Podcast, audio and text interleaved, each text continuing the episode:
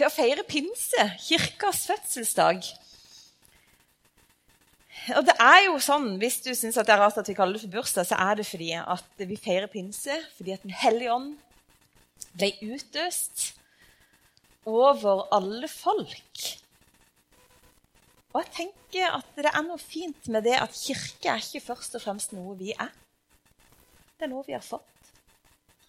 Å være kirke er at vi har fått plass hos Gud. Det er en gave. Og det er vel verdt å feire. Og så må jeg si at jeg syns det var bare helt vanvittig deilig å være i tilbedelse sammen. Jeg gleder meg til året som ligger foran oss, når vi skal bruke tid sammen igjen i, i lovprisning. Det har liksom vært litt borte fra oss i koronatid. Skal vi se Nå, Eivind. Det. Vi er i en serie som kalles for Åndenød. Det har vi vært i i flere uker her i Frimisjonen. Jeg er Ellen Merete, pastor her, hvis ikke du er vant med å gå her til vanlig. Og da har både Kristian som er her, og Steinar eh, og Bård Forsdal og meg sjøl vi har snakka om Den hellige ånd. Og For min egen del så har jeg hatt to taler om Den hellige ånd, og de var så lange at de telles nesten på fire. Eh, og da tenkte jeg, Er det mer å si, da? Det kunne jeg kjenne. Og så er det jo det med Gud at han er uutgrunnelig. Det er alltid mer å si om han, det er alltid mer å finne ut om han. Og han er alltid mer enn jeg noen gang kan forestille meg og tror at jeg har forstått. Så jeg hadde en veldig fin lærer på Ansgar teologiske høgskole, og han sa det, vet du det, at det er mye større likhet mellom deg og en maur, sånn størrelse og innholdsmessig, enn det er mellom deg og Gud. Han er majestet, han er større, han er gigantisk, og det er alltid mer å si. Og samtidig så kan jeg kjenne når jeg satt her nå, at herlighet Jeg har ingenting å si. Skal jeg si som folk ikke har hørt før? Så vi er avhengige av at Gud blåser liv. Og til nå skal jeg operere med noen flere papirer her framme. Det syns jeg av og til er en utfordring.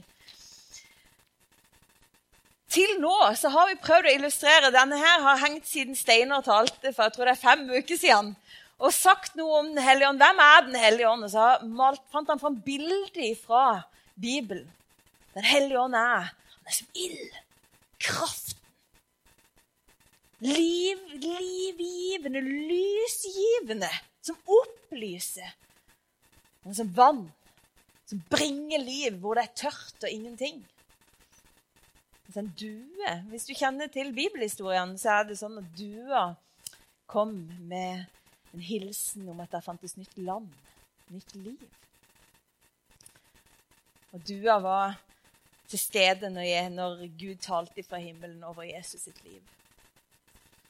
Og så har jeg gjort noen forsøk sjøl på å illustrere at Den hellige ånd er en del av, en del av treenigheten. Og jeg sa det sist gang, at, eller jeg vet ikke om det var sist gang eller ganger før. i hvert fall så sa jeg det, det gikk opp for meg for en del år siden at jeg hadde liksom tenkt på treenigheten.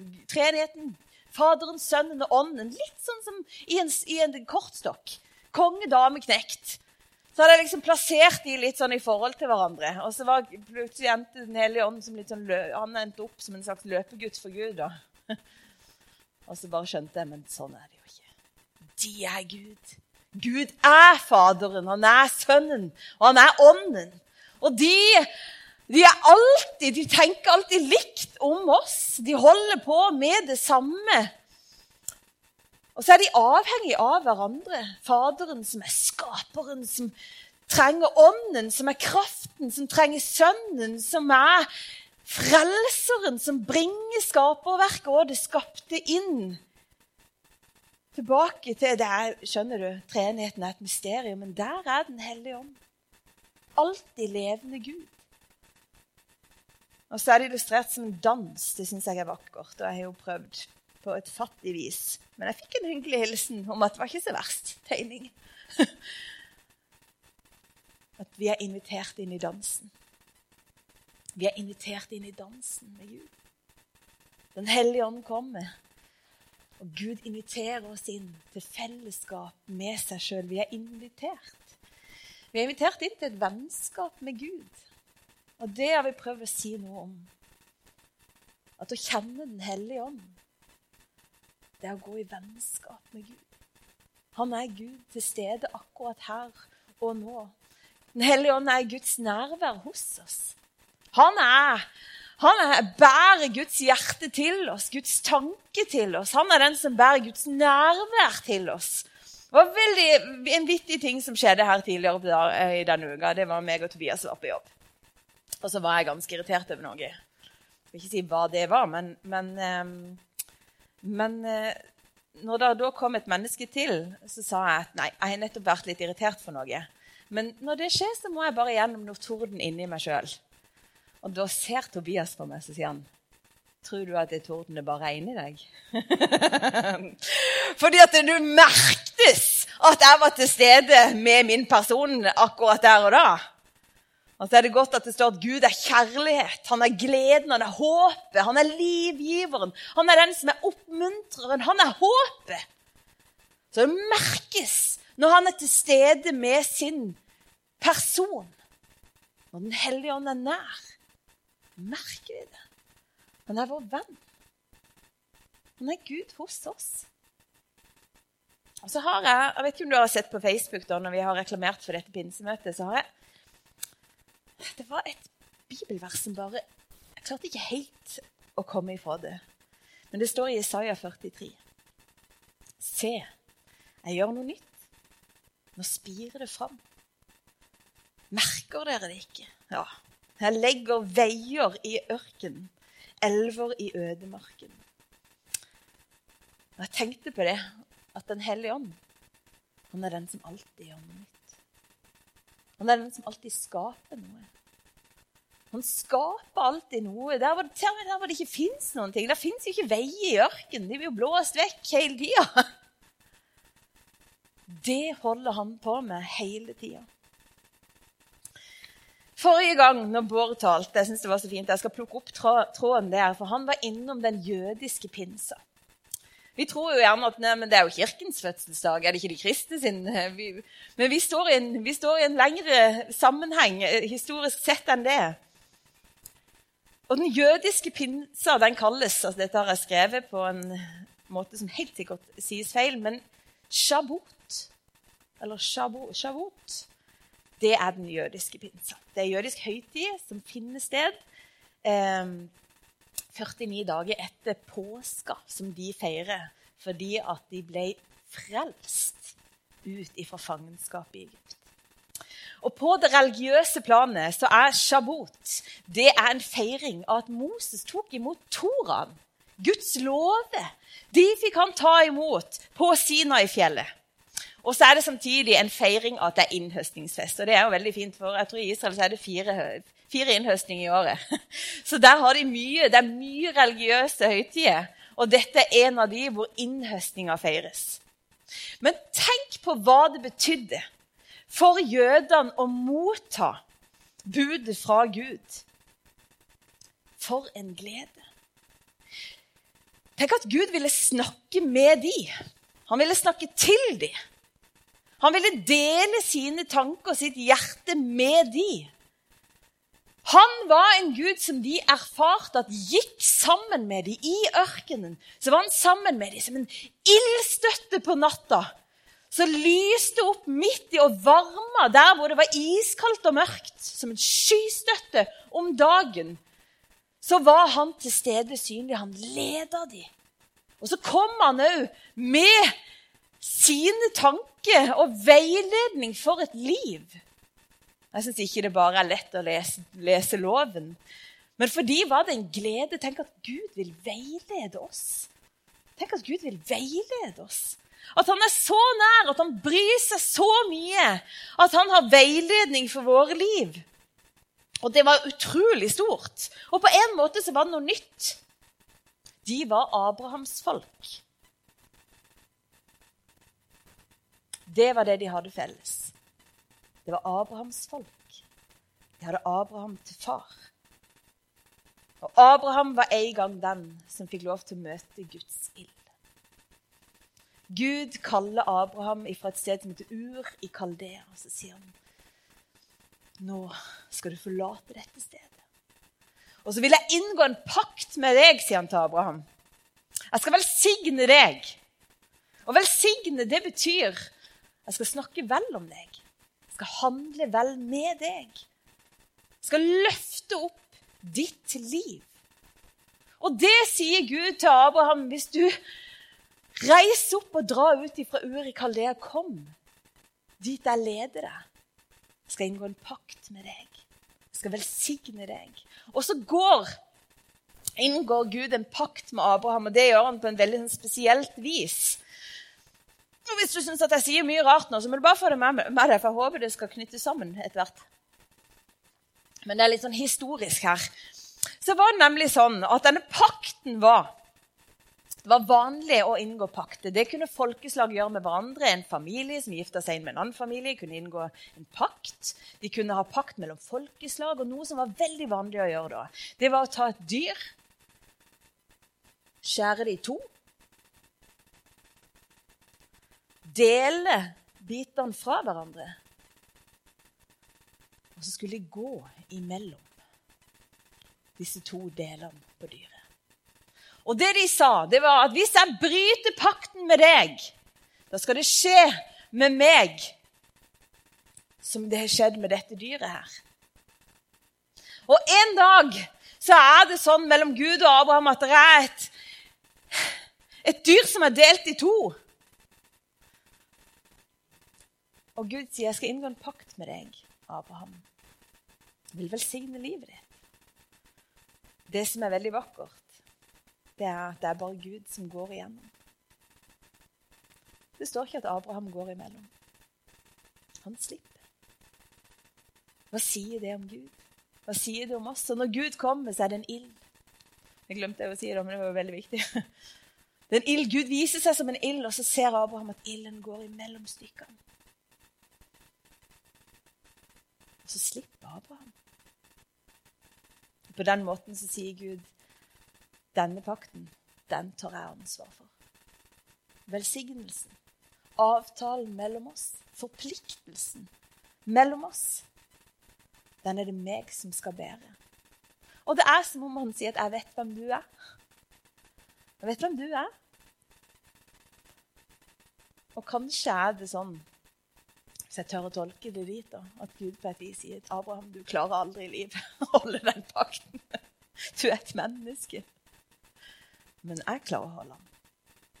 Jeg skal alltid holde pakten min med deg.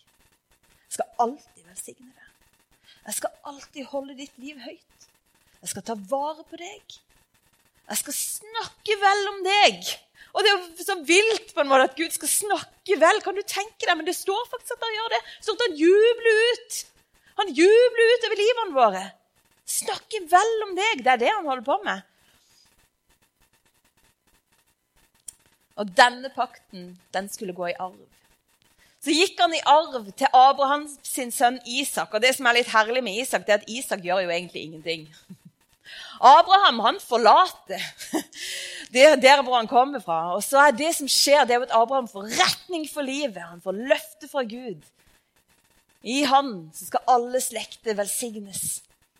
Han skal bli et stort folk. Og Isak han får lov til å overta, får lov til å arve den pakten. Men Isak har ikke gjort en ting for å fortjene det. På ingen tidspunkt står det at der var Isak, der gjorde Isak noe riktig. Nå var Isak flink, og derfor fikk han lov til å overta pakten. Han bare får han. Han bare får pakten. Han bare får velsignelsen, for Gud er trofast til det han har sagt. Og så får Isak sønnen Jakob, for Jakob er en luring. Jakob, han er en luring. Han lurer til seg hele velsignelsen, han. Han lyver for sin far, og, for, og han sniker foran sin bror. Og han er en som egentlig bare sånn stjeler til seg alle slags gode i livet. Du kan lese om ham hvis ikke du har lest eh, om historien om Jakob. Han er en snik. Og Jakob får lov til å møte Gud. Han får lov til å overta velsignelsen. Ikke fordi han er flink. Ikke fordi han er perfekt. Ikke fordi han har fått til noen ting som helst. Tvert imot. Men fordi Gud er trofast til det han har sagt. Gud er trofast til sitt løfte. Så får Jakob lov til å erfare at nei, Gud er en som velsigner meg. Jeg har ikke gjort noen ting for å fortjene det. Ingenting fikk jeg til. Jeg bare lyvd. Jeg har lyvd, stjålet til meg første fødselsretten. Så får jeg lov til å erfare at Gud løfter opp livet mitt og velsigner meg og gir meg retning og håp. Dette var historien til israelsfolket. Så når de er midt i ørkenen, så er det sånn at vi kan ikke forstå hvor vilt det er. For det var én Abraham, det var én Isak, det var én Jakob. Og det var historiene om de som hadde levd igjennom århundre. Og til slutt så var det blitt masse folk som på en måte hadde blitt denne slekta, som hadde Abraham og Isak og Jakob til far og som liksom skulle arve den her velsignelsen som Gud en gang hadde gitt. Og nå er de midt i ørkenen, og ørkenen er jo et kjempevanskelig sted å være i. Og midt der hvor alt er vanskelig, hvor det ikke er altså noe, noe som er liksom vokser skikkelig kan vokse i ørkenen, altså, men, men, det er liksom et symbol på et veldig sånn hardt sted. Og De er litt sånn hjemløse der de år. De er på vei til noe, men det virker jo ganske kronglete å gå. Midt der så får de lov til å erfare at den samme ilden som gikk mellom kjøttstykkene, som sa 'jeg skal være trofast for alltid', han lyser opp midt iblant oss.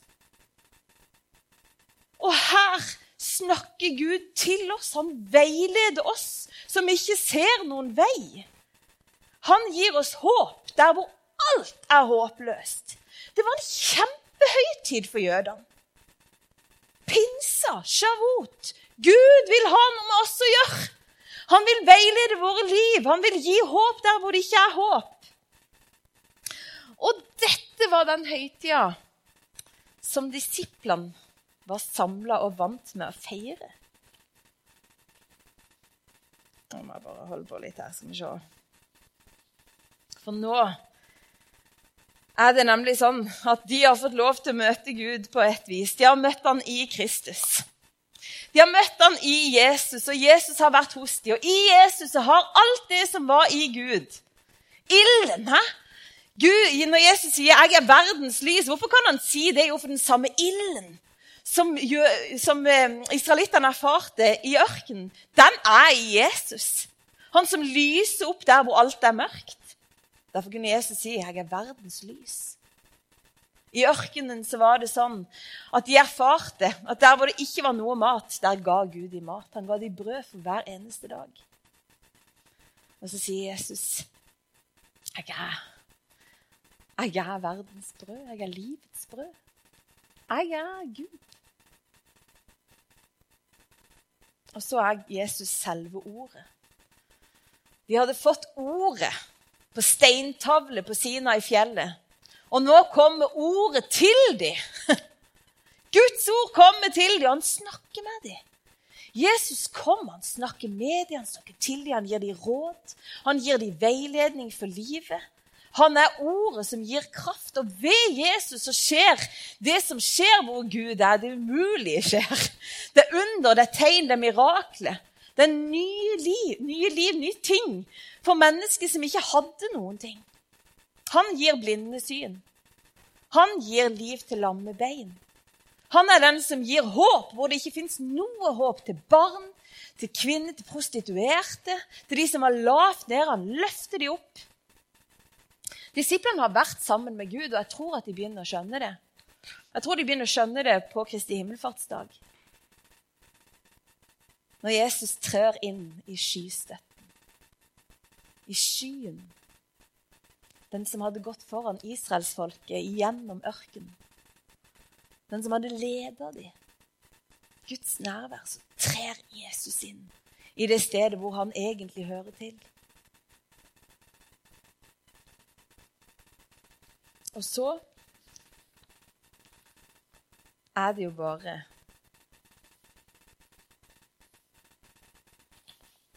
at Jesus sa til dem før han dro. Jeg lar dere ikke bli igjen som foreldreløse barn. Jeg kommer til dere. Når Jesus snakker, så er det Gud som snakker til. Jeg lar dere ikke bli igjen foreldreløse. Dere skal ikke bli igjen tomme. Jeg skal komme til dere. Og i pinsa så gjør Gud noe nytt. Da pinsedagen kom, var alle samla på ett sted. Og plutselig så lød det fra himmelen som når en kraftig vind blåser. Og lyden fylte hele huset hvor de satt. Tunge som av ild viste seg for dem, delte seg og satte seg på hver enkelt av dem. Da ble de alle fylt av Den hellige ånd, og de begynte å tale på andre språk ettersom Ånden ga dem å forkynne. Guds folk har gjennom historien de har fått se Guds nærvær, de har fått se hva han har gjort. De har fått se han i ilden, i skystøtten. De har fått sett at han har forsørga dem i ørkenen. De har fått ordene og tankene hans sine på steintavle, og så i Jesus så har de fått møtt ham. Og nå skjer det noe helt nytt. Denne ilden som en gang inngikk pakten med Guds folk, og denne ilden som Jesus bar med seg og brakte til dem, Guds rike til dem. Nå skjer det noe helt nytt. Ilden flytter inn. Gud flytter inn, og kan du tenke deg? Disse steintavlene ble oppholdt i det aller helligste. Og de måtte komme til tempelet, og tempelet ble altså dekorert på så vakkert måte. Det var gullforgylt, og det var treskjært, og det var liksom det vakreste av det vakre som var samla. Der skulle Gud bo. Guds ord skulle bo her. Og så er det bare det at nå flytter han inn i en ny og bedre leilighet, om du vil. Han flytter inn i oss. Han flytter rett inn den samme ilden som inngår en pakt ved Abraham, og som sier 'jeg er trofast for alltid'. Jeg vet at du ikke er det. Jeg vet hvem du er. Men jeg er trofast. Den samme ilden er nå i de sine liv. Den samme ilden som ga håp der hvor det ikke fantes noe håp. Nå flytter den ilden inn i livene sine. På innsida. Og det kan jo være veldig veldig slitsomt å hele tida skulle finne håpet på utsida. Og hele tida skulle finne liksom åh, Skulle finne det du håper på, et annet sted. Kan jeg få noen gode ord? Det er klart vi skal gi hverandre gode ord. Men det er jo slitsomt å lete på andre steder hele tida. Og Derfor er det så fantastisk at når Gud kommer, så kommer han inn i livet. Og han er den som har nåde med oss. Han er den som bar pakten alene idet han ga hele sitt liv. For i Jesus Kristus så tok han nemlig vår del. For Gud visste at vi trenger et offerlam. Og der stiger Jesus inn. Det brennende håpet som er gitt til oss. Nå flytter han inn. Og da skjer det noe med mennesket. Jeg tror det skjedde noe med Abraham. Jeg tenker at det skjedde noe med Abraham når han møtte Gud. Jeg tenker at Det skjedde noe med Abraham når han ser at her er en som vil gi retning for mitt liv. Når han ser at her er en som tar alt, bærer alt for meg. Det er klart det skjer noe med Abraham. Det er klart det skjer noe med Guds folk i ørkenen når de skjønner at Gud vil ha noe med de å gjøre. Og når Den hellige ånd kommer på pinsedag, da skjer det noe med mennesket. Da skjer det noe med de som er til stede. Hva er det som skjer? Jo, vi leste det. Når Den hellige ånd kommer, tunga av ild, og setter seg på hver enkelt av dem, da blir de fylt. De blir fylt av Den hellige ånd, og så begynner de å snakke på andre språk, som ånden ga dem å forkynne. Og med Peter så skjer det noe helt fantastisk fint. For det er som om Peter bare plutselig Han har gått sammen med Jesus i flere år. Han har kjent ham. Han har antageligvis holdt armen rundt ham, eller motsatt. Han har vært nær Jesus. Han har sett Jesus dø, han har forrådt Jesus. Han har blitt tilgitt av Jesus. Men plutselig, når Den hellige ånd kommer, da skjer det noe nytt i Peters sitt liv.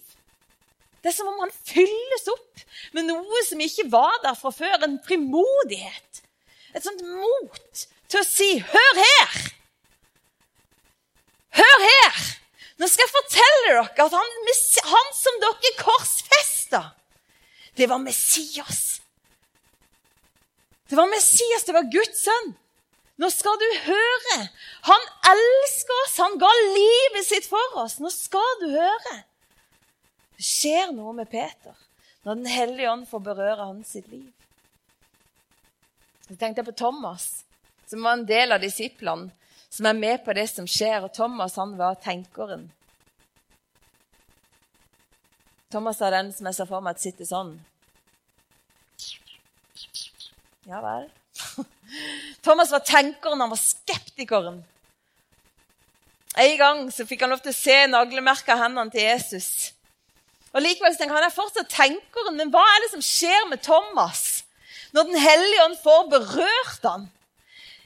Tradisjonen sier at Thomas er den misjonæren som går lengst. Thomas er den som drar til India med evangeliet. Hva er det som skjer når Gud berører oss på innsida? Jeg tror det er det samme som alltid har skjedd. Og likevel så er det alltid en følelse at dette er helt nytt. Abraham fikk lov til å erfare wow, nå fikk jeg retning for livet. Isak fikk lov til å erfare herlighet. Jeg blir velsigna, og jeg har ikke gjort meg fortjent til det. Jakob får lov til å kjenne jeg blir tilgitt og forsørga. Guds folk får lov til å oppleve at vi blir veileda igjennom der hvor det ikke fins noen vei. Der får vi lov til å gå, og vi får lov til å forkynne. Det gjorde de for alle folkeslag at Gud er den som redder.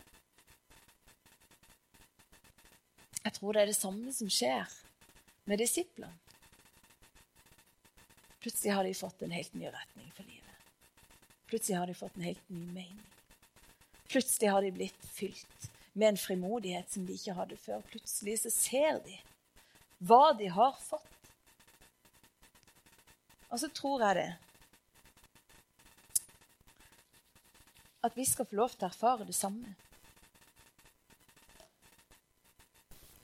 Det er noe med det at, at loven kom på steintavle. Og I Sekiel så står det jeg gir deg et nytt hjerte. En ny ånd gir jeg inni dere. Jeg tar steinhjertet ut av kroppen deres. Gir dere et kjøtthjerte i stedet.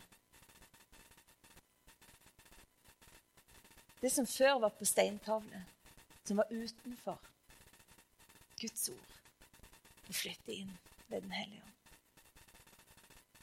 Det som de måtte søke på utsida. Lyset, ildstøtta, ildsøylen og skystøtta. Alt det som var utenfor dem, som de måtte strekke og leide etter. Nå har de fått det. På innsida Gud har flytta inn. Gud har flytta inn. Og Derfor så tror jeg at det fins nytt håp for alle. Jeg tror at det fins et nytt mot å finne for alle. Jeg tror at det er sånn at alle vi som har fått lov til å ta imot Jesus Kristus Vi har fått Den hellige ånd. Hvis du lurer på hva som er kriteriet for å, imot, for å få Den hellige ånd, så er det at du tror på Jesus. Og kanskje tror du så mye, kanskje tror du så mye. Den hellige ånd er der hvor du har tro. Og han er den som vil fornye din tro. Han er den som gir deg stadig nytt liv. Og Jeg kan ikke få sagt dette nok. For jeg tror at det er sånn at det er Guds hilsen til oss idet han kommer med hele seg sjøl. Han som har gått igjennom, han som har båret alt for oss. Han som stadig vil velsigne våre liv, og som sier 'alt dette får du'. Det er pakten du har i meg. Det henger ikke på dine prestasjoner, det henger på min kjærlighet til deg. Det henger på korset. Vi får lov til å ta imot Den hellige ånd. Vi får lov til å bli med i dansen med Gud. Og vi får lov til å gå med vennskapet hans sitt gjennom livet. Og har tenkt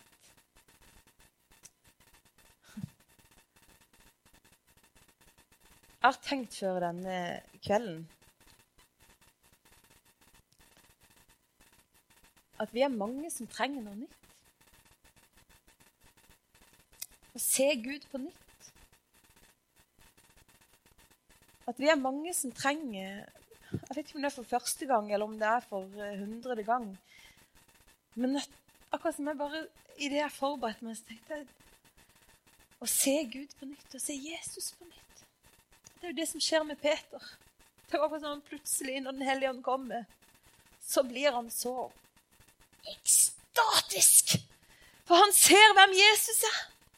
Og det er jo veldig interessant, for Peter kunne sagt nå har vi fått velsignelse! Og det er sant. Og Peter kunne sagt nå har vi fått Guds trofasthet, og det er sant. Og han kunne sagt nå har vi fått Guds nærvær, og det er sant. Istedenfor er det han roper ut, det er vi har fått Jesus Kristus.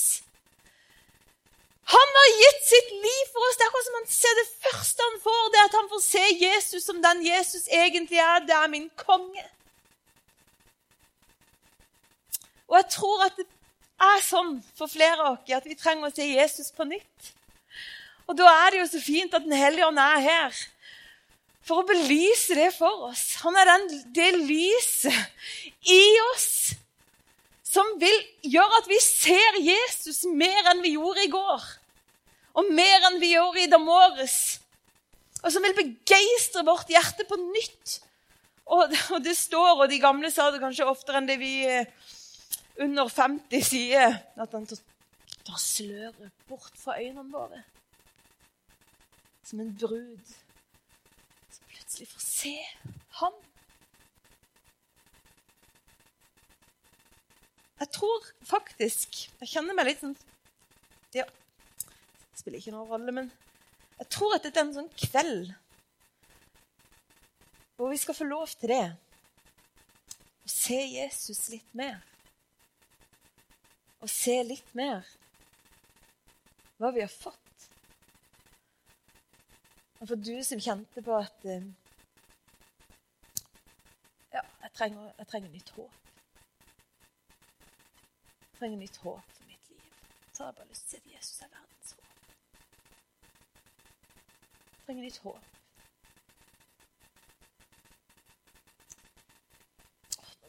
Jeg griner litt, men jeg griner ikke for meg sjøl. Jeg tror jeg griner for noen av dere. Men du som er helt uten håp, så tror jeg at Guds hilsen til deg er at han er ditt håp.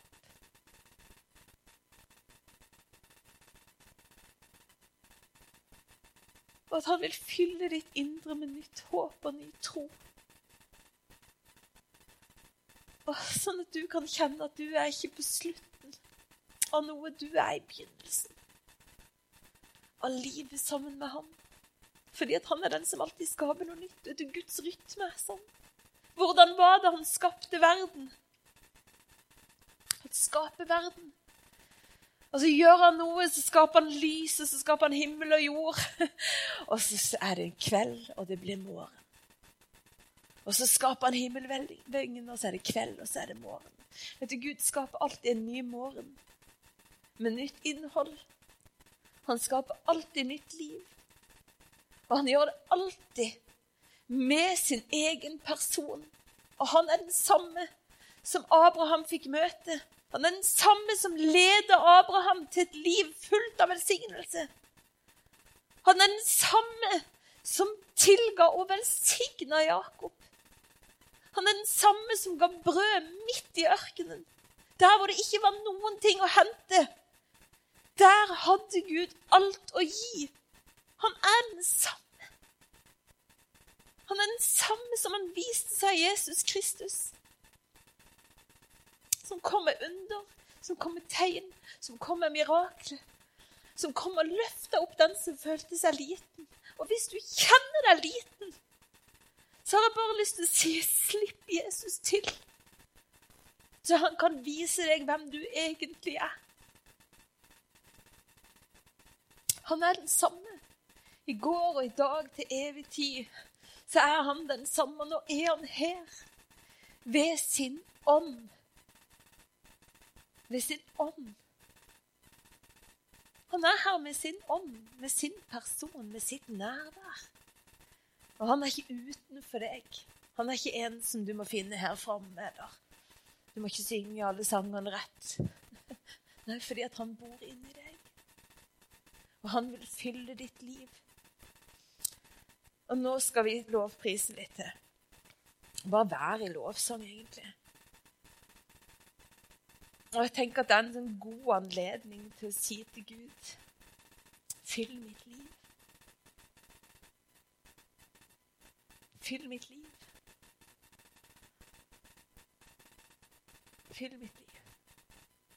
Og så er det ikke så veldig viktig om du tror så mye eller så mye. Vet du hva? Tro er en gave fra Gud. Hvis du kjenner at du trenger tro, du kan jo si det. Jeg syns fyll meg med det. Det syns jeg er vanskelig. Men Den hellige ånd han er til stede. Og han har håp. Han har håp, og han har alltid noe nytt, og det tror jeg han har for, for sin kirke, som han har gitt oss. Det er alltid en ny dag.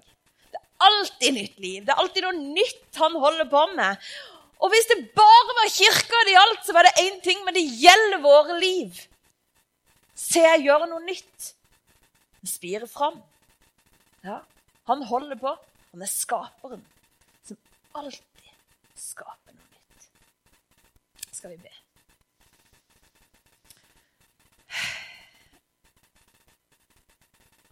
Gode Gud. Du er den som inngikk en pakt med Abraham. Og så vakker du er, som skjønner at vi er mennesker som ikke får det til. Og så nådig du er med oss, som går alene gjennom de to kjøttstykkene. Du kom som ild den gangen, Herre. Og du viser deg som ilden, Herre, som veileder, som lyste opp og ga håp midt i ørkenen, Herre.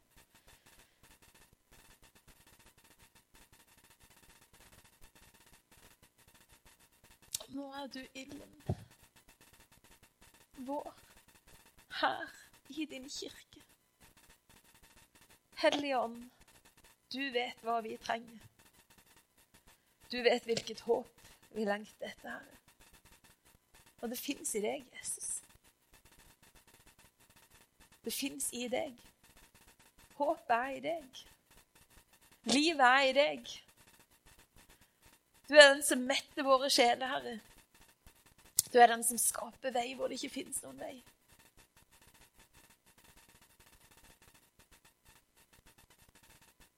Nå er vi innenfor deg, Jesus. Hellige Ånd, vi er sammen med deg. Vil du fylle våre liv. comment.